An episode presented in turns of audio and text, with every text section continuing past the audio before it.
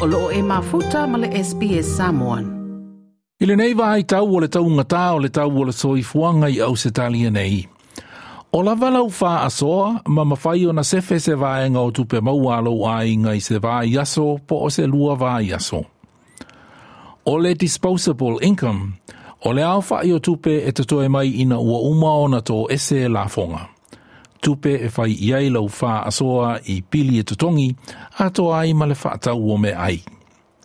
E tu saima se ripoti a le ofisa o foi numera fa momo wina le Australian Bureau of Statistics o le to tele o ainga i au se talia nei.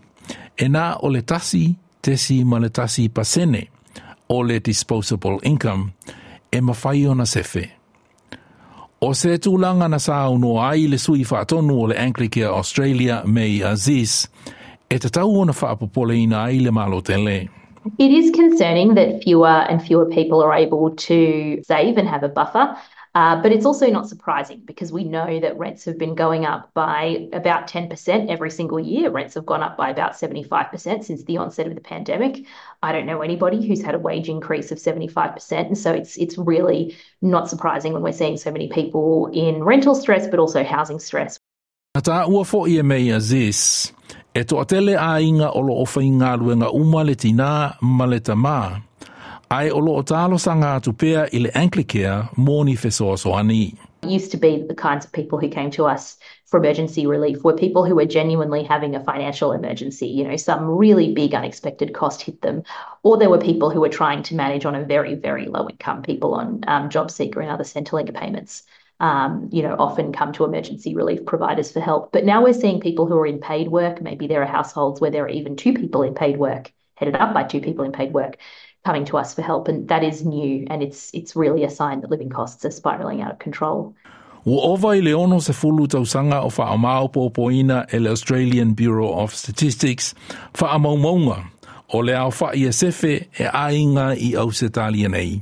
Ina ua uma o na tō e sea la fonga po o le au whai e sefe mai i a lātou disposable incomes. Na sao noa Professor Bill Mitchell o le mata le economics i le University of Newcastle i tausanga ta itasi talu mai le afe i vase lau ono se fulu, ua mōli mawina ai le alu alupea i lalo o le au whai o tupe e te toe mai i le whaasoa a ainga, ma mawhai o na sefe i se whaaputu ngā tupe. If you look at it over the decades, in the 1960s, for example, when we had very strong growth and uh, strong productivity growth and strong GDP growth, very low unemployment, the household saving ratio was was up around 16%. As we approached the sort of mid 90s, the household ratio started to fall. Households went crazy with borrowing, and the, the household debt ratio rose from like 60% of disposable income to nearly 200%. Just before the global financial crisis in 2007, the household saving ratio had become negative. Households were in total spending more than their incomes each period. That's totally unsustainable. Na sauno foi Professor Bill Mitchell O le tūlanga e sili o nā a fiai a inga e le aise vaenga tupe e e so uma. O le tūla i mai lea o se suinga e le i māwhau whawina, pēna fua fua i ai. E pei o se tasi o le ulunga li i, e te i ua vāea mai lana ngā luenga, ma le to e maua ai lona tatongi.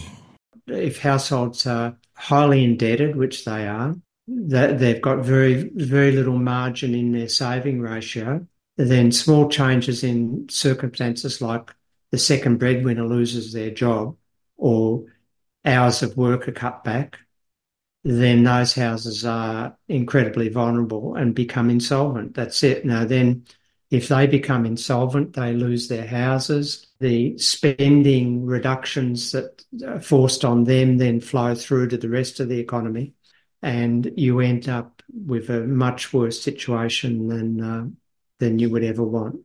Na saunoa Effie Zahos o Invest Smart O le masani i le o se ngā tupe mai le disposable income e sefe i se whaaputu ngā tupe mō le lumanai, e le o se masani e tā atele i tangata no ua au se talia. Australians tend to be better at paying off their debt than actually saving. And it's more of a, um, a behavioral trait. I mean, when you think about it, we will do anything and everything to make sure our mortgage payments are made, for example, or to make sure our car payments are made. Na sa no fo i Effie Zahos o le Invest Smart e te tau ona iai i se whaaputu ngā tupe le whaatusa i le ono masina o lo tongi mō whaalawe lawe whaafua sei. O lona winga, a se lau afe tā la lou to tongi le tausanga, e te tau ona lima se fulu afe tā la ua sefe i se whaaputu ngā tupe mō mea te tupu e le i fua fuaina. E pei o lou vā ea mai lau ngā luenga, Right now, it is hard for most Aussies to even think about building up a savings buffer. We've spent the last three years really ripping out our savings. Most experts say you need six months worth of your salary in an emergency account. That's not going to happen. I mean, when you think about it, that's tens of thousands of dollars. I think it's really important to break it down and do what's known as a bare bones budget. So actually write down what are the essentials that you have to pay. Take out everything else, just the essentials. Get that figure and then times it by how long do you think you would remain unemployed in your industry. Even a thousand dollars in an emergency fund is better than nothing. But in the long run, it is important to build up a savings buffer. A tonu o le waaile nai au se talia nei. Ai whaapewhea le tūlanga i le le ma le anoa anoa i o whaalawelawe ma mea whaale lotu. E aluai le disposable income o le toatele o tangata maa i Samoa. O le reporti na whaamapopoina e Rania Yallop, mō le SBS News. Like, share, ma faali sau finangalo, muli muli i le SBS Samoan i le Facebook.